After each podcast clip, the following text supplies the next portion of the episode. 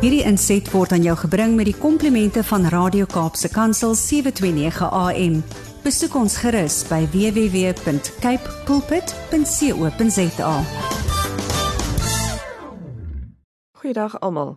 Ek is Erika de Tooy en ons gesels weer saam oor gestremdheid en die impak daarvan op individue, hul families en die samelewing. Dit is miskien 'n vreemde konsep vir meeste van ons omdat ons geneig is om toeganklikheid in terme van die omgewing te sien. Jare se praat en bewusmaking oor rolstoeltoeganklikheid het ons geleer dat toeganklikheid net vir rolstoelgebruikers is, maar dit is glad nie die geval nie. Nie net kan geboue toeganklik gemaak word vir ander tipes gestremthede, dit is ook van toepassing op dienste, produkte en programme. Met ander woorde, dit wat ons nie noodwendig kan sien nie. Die aanlyn wêreld is deel van hierdie kategorie. Ons is deesdae so afhanklik van die internet en aanlyn kommunikasie dat ons heeltemal afgesny voel wanneer die Wi-Fi nie reg werk nie of as daar kragonderbreking is. Party kan selfs nie hul werk doen nie as hulle nie aanlyn kan kom nie. Daar is vele mense wat uitdagings het om inligting vanaf die internet te kry bloot omdat dit nie vir hul toeganklik is nie. Maar hoe werk dit? Wat kan gedoen word om te verseker dat almal gelyke toegang het tot die aanlyn wêreld? Daar is verskeie faktore wat hier 'n rol speel en die eerste is lettertipes of in Engels fonts. Inligting op baie webtuistes is baie klein geskryf wat dit moeilik maak om te lees. As ons dan die helde weerkaatsing en die herlaai tempo van die rekenaarskerm byvoeg, is dit soms baie moeilik vir van ons om die skrif te lees. Kreatiewe en ingewikkelde lettertipes is ook soms moeilik om te lees. Probeer dan om duidelike lettertipes te gebruik in 'n redelike grootte, maar brou ook die fasiliteit in dat die leser die lettertipe groter of kleiner kan maak volgens hul eie behoeftes. Ons bly nou by skrif en 'n valkleurige skrif op 'n valkleurige agtergrond maak dit ook moeilik om te lees.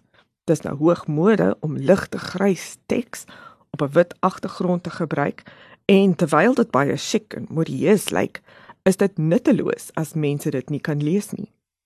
Gebruik eerder hoë kontrasterende teks en agtergrondkleure. Wit is nie altyd die beste oplossing nie, aangesien dit geneig is om te gloei, wat ook lees moeilik maak. Weereens, 'n toeganklike webtuiste sal die fasiliteit hê dat die leser die kontras kan verander, miskien van kleur tot 'n hakkies grayscale toe, skakels onderstreep en so aan. Dan kom ons by beeldteks of in Engels image text. Skermlesers kan net teks lees en nie fotos of beelde nie. So dit is belangrik om beeldteks vir elke beeld of foto in te sluit. Hierdie is gewoonlik 'n beskrywing van die beeld sodat diegene wat dit nie kan sien nie, kan begryp wat die prent uitbeeld.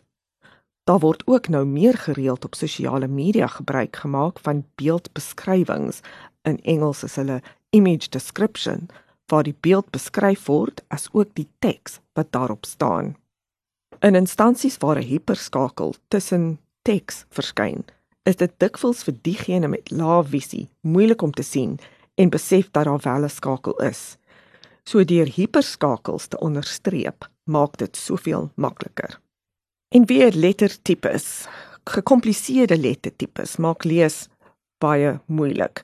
So gebruik eerder 'n een eenvoudige lettertipe. Daar is ook deesdae lettertipes wat spesiaal geskep is om dit moontlik te maak dat persone met disleksie dit kan lees. So hierdie is net 'n paar voorbeelde van maniere om aanlyn platforms toeganklik te maak. Onthou, soos universele omgewings wat soveel verskeidenheid mense kan akkommodeer, moet aanlyn inligting en dienste ook toeganklik wees vir almal. Ek daag u uit as u 'n webtuister of ander aanlyn fasiliteit het waar u inligting deel of met die publiek kommunikeer, te verseker dat dit toeganklik is vir die gebruik deur almal. Nou ja, dis ons program vir vandag. Stuur gerus enige navrae aan my by awareness@wcapd.org.za of skakel my direk by kantoor 021 355 2881. Hierdie inset was aan jou gebring met die komplimente van Radio Kaapse Kansel 729 AM. Besoek ons gerus by www.cape pulpit.co.za.